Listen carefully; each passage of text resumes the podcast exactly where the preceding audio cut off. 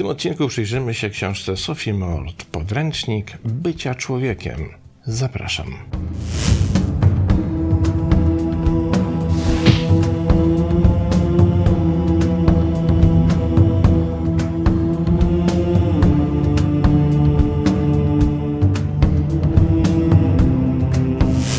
Czasy i rzeczywistość dookoła niezwykle ciężkie, ale pomyślałem sobie, że mimo tego warto kontynuować ten cykl, żeby dać nam choć odrobinę takiej odskoczni, w której możemy się przez kilkanaście minut poświęcić czemuś innemu niż temu, czym epatują nas media i ciężkie czasy.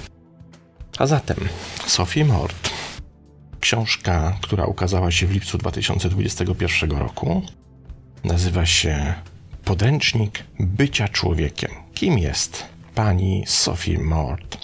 Ma tytuł licencjata psychologii, tytuł magistra neurobiologii oraz doktorat z psychologii klinicznej. I jest jednym z niewielu psychologów klinicznych na świecie, którzy obecnie wyprowadzają psychologię z gabinetów terapeutycznych na zewnątrz. Widząc oszałamiający spadek zdrowia psychicznego kraju, porzuciła więc swoją tradycyjną rolę psychologa klinicznego, aby zapewnić większej liczbie osób dostęp do narzędzi wspomagających utrzymanie dobrego zdrowia psychicznego. I w ten właśnie oto sposób od 2018 roku pomogła tysiącom osób zarządzać ich samopoczuciem emocjonalnym, dzieląc się swoją wiedzą psychologiczną na Instagramie, na swoim blogu i w prywatnej praktyce online. Jest ekspertem od aplikacji Mindfulness Happy Not Perfect i pojawiała się na łamach magazynów Vice Magazine, Girlboss, Psycho Central i Teen Vogue. A podręcznik bycia człowiekiem, czyli książka, którą zajmiemy się dzisiaj, jest jej pierwszą książką, czyli debiutem autorskim i od razu też przy okazji bestsellerem na liście magazynu The Sunday Times. Książka Sophie Mort, jak sama ją nazwała, jest rodzajem instrukcji obsługi życia, takiego manuala. Jakby założenie jest bardzo proste. Otóż autorka uznaje z punktu widzenia klinicznego psychologa, że przydałby się nam w życiu prosty manual, który w prostych słowach wyjaśni, w jaki sposób mamy się zachowywać w konkretnych sytuacjach, jak mamy rozumieć rzeczywistość, jak mamy interpretować to, czego doświadczamy. I wydawałoby się, że to jest banał, że to jest banalnie proste, że to są rzeczy oczywiste, których nie trzeba tłumaczyć. Ale kiedy się rozejrzymy dookoła i przyjrzymy temu, w jaki sposób ludzie postrzegają rzeczywistość, to okaże się, że jednak ten banał czasem musi być głośno wypowiedziany, bo zdaje się, że do nie wszystkich trafia. I w ten właśnie oto sposób autorka konstruuje manual, czyli taki właśnie podręcznik tego, jak rozumieć świat i siebie w tym świecie, podzielony na bardzo wiele różnych obszarów tematycznych. Ja wybrałem tylko kilka, ale takie, które wydają mi się zasadnym przyczynkiem do szerszej dyskusji. I do tego by się nad tym zastanowić. Pierwszym z takich obszarów są reklamy. Posłuchajcie. W 2019 roku Chlo Michael, doktorantka ekonomii na Uniwersytecie w Zurychu, wraz ze współpracownikami wykazała, że kiedy kraj wydaje więcej pieniędzy na reklamę, następuje znaczny spadek zadowolenia z życia w tym właśnie kraju. Mówiąc inaczej, im więcej otacza nas reklam w przeróżnych formach, na przeróżnych nośnikach, im rynek danego kraju, reklamowy rynek jest większy, tym niestety spada nasze zadowolenie z życia. Naukowcy przewidywali, pisze dalej autorka, że jeśli jakiś kraj podwoi swoje wydatki na reklamę, może spodziewać się 3% spadku zadowolenia z życia w całej populacji. Związek pomiędzy reklamą a niezadowoleniem z życia wynika z tego, że nieustannie pragniemy więcej. Zaoszczędź, krzyczą reklamy, aby kupić nowy telefon, samochód lub ubranie, a przez chwilę będziesz zadowolony, aż pojawi się nowsza wersja.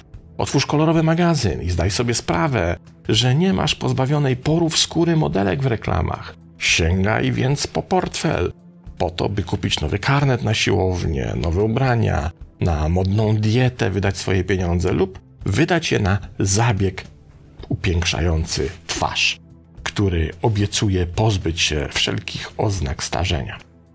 Pomyśl o reklamach, które widziałeś, widziałaś, dorastając, gdy byłeś nastolatkiem czy nastolatką. Czy czytałaś, czytałeś czasopisma lub oglądałeś reklamy w telewizji, gdy byłeś nastolatkiem? Czy miałeś media społecznościowe? Czy pamiętasz, jak wyglądały wtedy obrazy, które obserwowałeś? Czy pamiętasz jakieś marki, które szczególnie ci się spodobały z tamtego okresu? Jak wyglądali ludzie na tamtych zdjęciach? Wszystko to okazuje się niezwykle ważne i kształtujące rozwój młodego człowieka. Oprócz zwracania się do rówieśników, nastolatki zwracają się do mediów i filmów, aby dowiedzieć się, czego się od nich oczekuje i co jest uznawane za normalne. To, co widzimy dorastając, ma kolosalne znaczenie. Kiedy widzimy obrazy doskonałych ludzi, żyjących idealnie w czasopismach, filmach i mocno wyselekcjonowanych kanałach na Instagramie, mamy punkt odniesienia, który tak naprawdę jest niemożliwy do osiągnięcia. Reklama wykorzystuje ludzki pęd do porównywania się z innymi, rozkwita, utrzymując nas w stanie pragnienia więcej.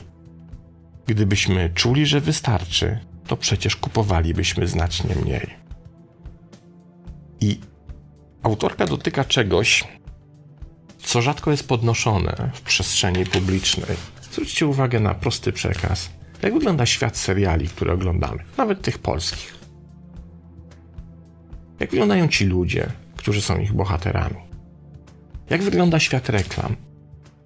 Oglądasz sobie reklamy hamburgerów, które są promowane przez młodych, uśmiechniętych, uwaga, szczuplutkich, wysportowanych ludzi.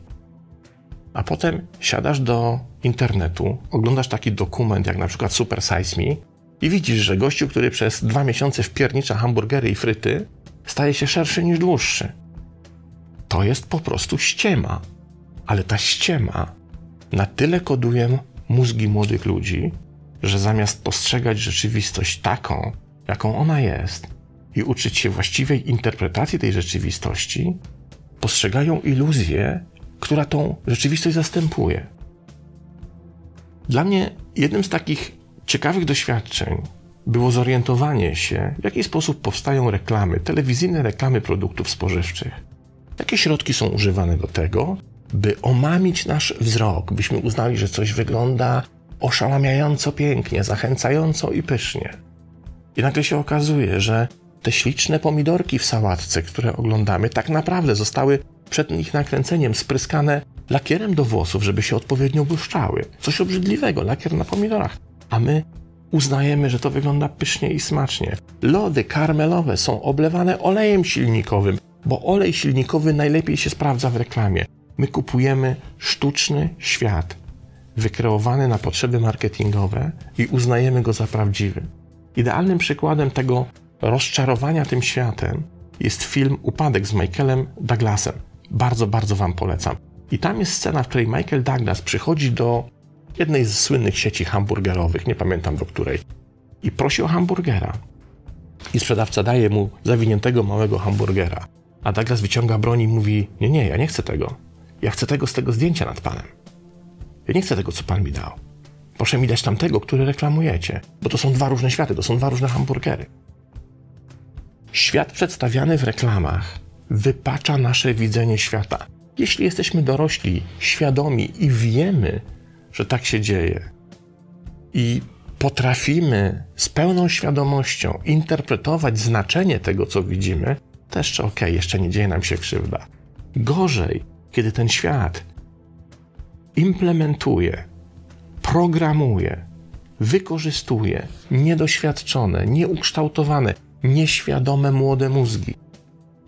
I one wzrastają w pojęciu pewnej fałszywości świata, uznając, to oczywiście skrajny przykład, że jedzenie hamburgerów i przebywanie wyłącznie na diecie hamburgerowo-frytkowo jakiejś tam popijanej słodzonymi napojami nie jest w ogóle szkodliwy, jest ok, bo przecież ci uśmiechnięci ludzie biegają sobie po tym planach zdjęciowych, są szczuplutcy i tacy są fajni i wpierdzielają te hamburgery na kilogramy i nic im nie jest. To jest nieprawda, to nam po prostu ryje beret. I jeśli popatrzymy na to w ten sposób, to kurczę, przydałby się manual. Przydałaby się taka instrukcja, którą się wręcza młodemu człowiekowi, w którym punkt po punkcie jest napisane, w co możesz wierzyć, a w co nie powinieneś wierzyć, bo to jest po prostu ściema. Ściema, która robi ci wodę z mózgu. Kolejny obszar, który dotyka autorka. H. Aplikacje randkowe. Poczytajmy. Aplikacje randkowe mogą zaprowadzić cię do miłości twojego życia. Mogą również sprawić, że poczujesz się niespokojna i przytłoczona, czy niespokojny i przytłoczony. Aplikacje randkowe są genialne, ale nie są czymś, od czego chcesz się uzależnić. Zwiększone korzystanie z aplikacji randkowych wiąże się ze zmniejszeniem zadowolenia z życia i zwiększonym monitorowaniem ciała, porównaniami społecznymi i przekonaniami, że masz dorównać społecznemu ideałowi piękna przedstawionemu w mediach. Aplikacje wbrew intuicji sprawiły też, że niektórzy ludzie mają mniejsze szanse na znalezienie zalotnika, którego szukają, zapewniając paradoks wyboru. Być może osoba, która jest dla mnie, jest w zasięgu jednego palca, w zasięgu ręki. Może przy następnym przesunięciu lub trzech pojawi się ktoś jeszcze lepszy. W przeciwieństwie do tego, co możemy sobie wyobrazić, większy wybór nie zawsze jest dobrą rzeczą. Paradoks wyboru grozi również dewaluacją każdego człowieka w aplikacji, ponieważ można go natychmiast zastąpić kimś innym. Wiele osób twierdzi, że podczas randkowania czują się uprzedmiotowieni, zakładając, że wysoki wskaźnik rotacji ma związek z ich wyglądem, eksponowaną osobowością i umiejętnościami społecznymi, a nie tym, kim w istocie są. To w połączeniu z nowoczesnym paradoksem wyboru oznacza, że wiele osób ma trudności z budowaniem trwałego związku. Aplikacje randkowe oznaczają również, że możemy mieć listę znaczeń i szukać kogoś, kto się w nich zmieści. Jednak to, o czym myślimy, może nie być tym, czego tak naprawdę chcemy, a nawet potrzebujemy. Dlatego paradoksalnie aplikacje randkowe, mając służyć ułatwianiu nawiązywania kontaktu, de facto często rujnują szanse na trwałe związki. Randki nie są jak zakupy. Możesz zobaczyć zdjęcie pary butów, pisze autorka. Od razu wiedzieć, że je pokochasz jeśli pasują, kiedy wsuwasz do nich palce u nóg, to jesteś zachwycona. Nie możesz tego zrobić z ludźmi. Prawdziwe połączenie polega na poświęceniu czasu i wysiłku, aby kogoś poznać i nauczyć się akceptować rzeczy, które zwykle by cię zniechęciły. I tutaj, jako żywo, staje mi przed oczami wykład, którego wysłuchałem na studiach, który wygłosiła fantastyczna psycholog, pani profesor Popiołek, mówiąca o naszych relacjach. To były zajęcia z psychologii klinicznej. Chyba, jeśli dobrze pamiętam. I w którym to wykładzie pani profesor mówiła, że to, że spotyka się dwoje ludzi na wspólnej życiowej drodze, wiążą się z sobą, i z tego związania wychodzi coś dobrego. Trwały, wspierający się, przyjacielski, partnerski związek. To jest kurde cud cudów. To nie jest rzecz normalna, powszechna, na wyciągnięcie ręki. To jest rzecz, która się zdarza bardzo rzadko i trzeba ją chronić jak perełkę. Trzeba ją tulić w dłoniach, jak taki płomień świecy, który może zgasnąć na wietrze. To jest coś tak niezwykłego partnerskie związki, związki na wiele lat, ludzi, którzy stają się swoimi przyjaciółmi, którzy wspierają się nawzajem, wymagają olbrzymiej ilości pracy, kompromisów, dogadywania się, dogrywania się, budowania tej całej struktury relacyjnej. To jest katorżnicza robota. Ona się oczywiście opłaca, bo daje fantastyczne efekty, ale to nie jest za darmo. Nie da się takiego związku zbudować tylko dlatego, że przesunąłeś, przesunęłaś kogoś w lewo czy w prawo w aplikacji randkowej. I czyjaś gęba ci się bardziej spodobała lub nie. To jest absurd. A potem się dziwimy, dlaczego te związki społeczne są tak mało trwałe w dzisiejszych czasach. Dlaczego przybywa rozstań, rozwodów, dlaczego ludzie się nie chcą wiązać lub nie potrafią z sobą wytrzymać. Bo to jest charuwa, którą trzeba wykonać. Dopiero wtedy jest owoc.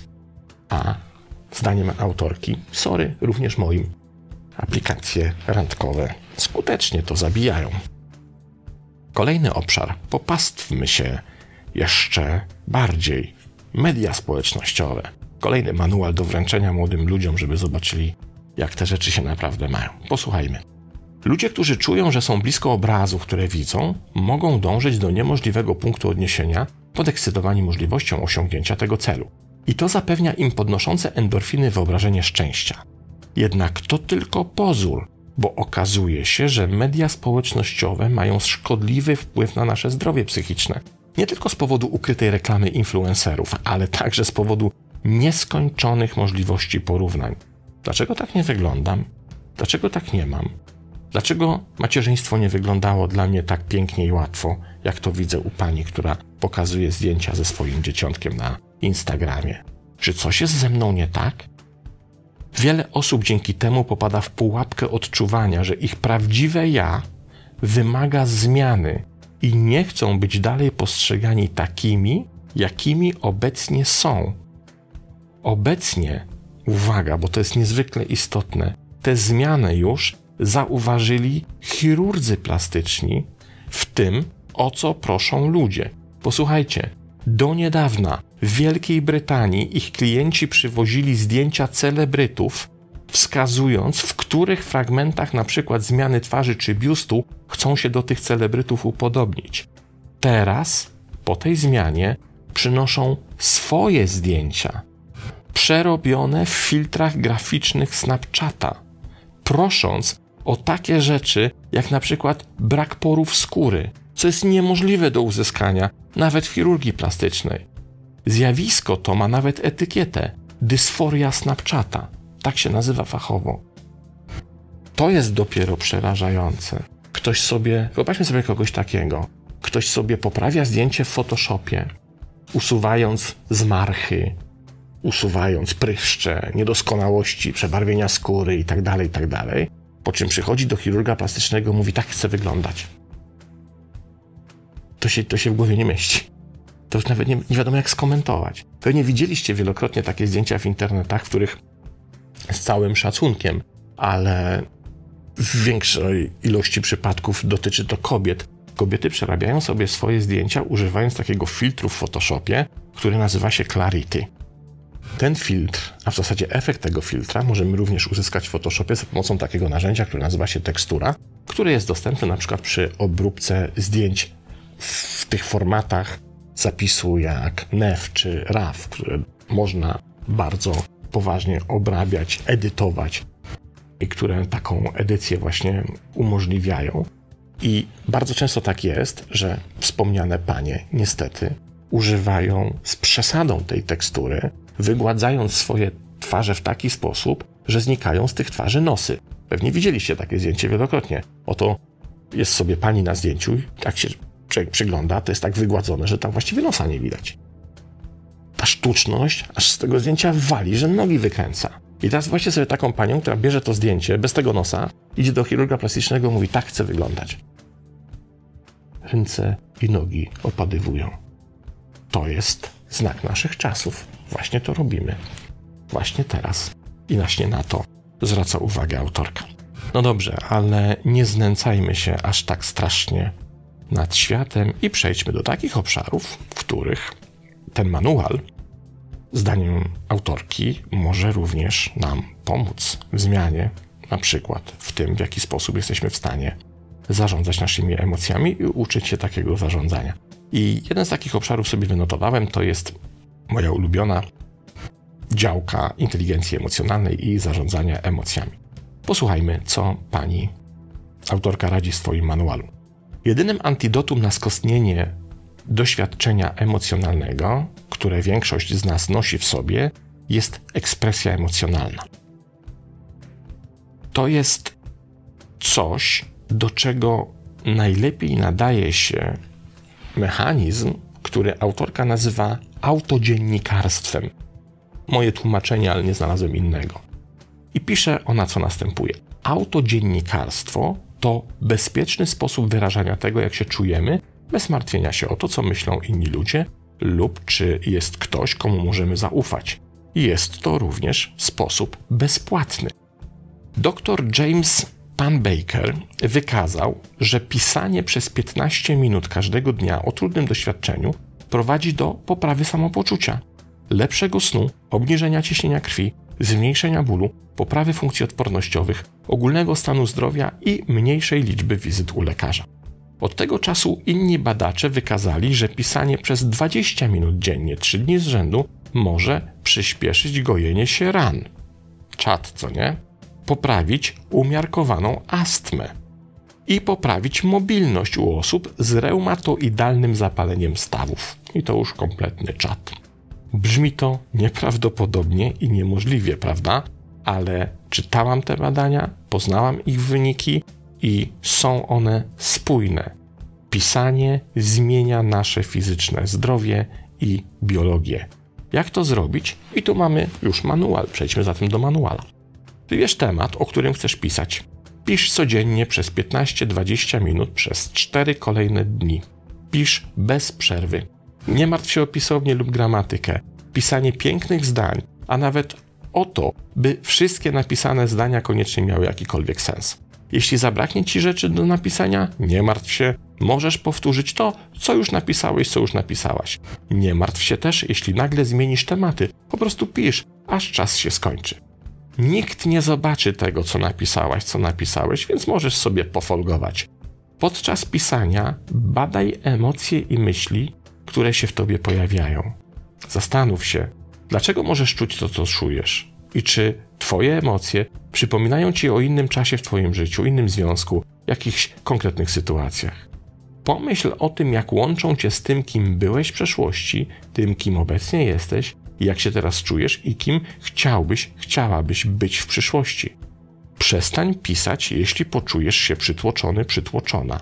Odsuń się, oddychaj, poprzytulaj się do bliskiej ci osoby, do psa lub poduszki, poćwicz, a może rozważ inny temat taki, który będzie dla ciebie bezpieczniejszy. Po 15-20 minutach pisania zrób coś, co sprawi, że poczujesz się dobrze.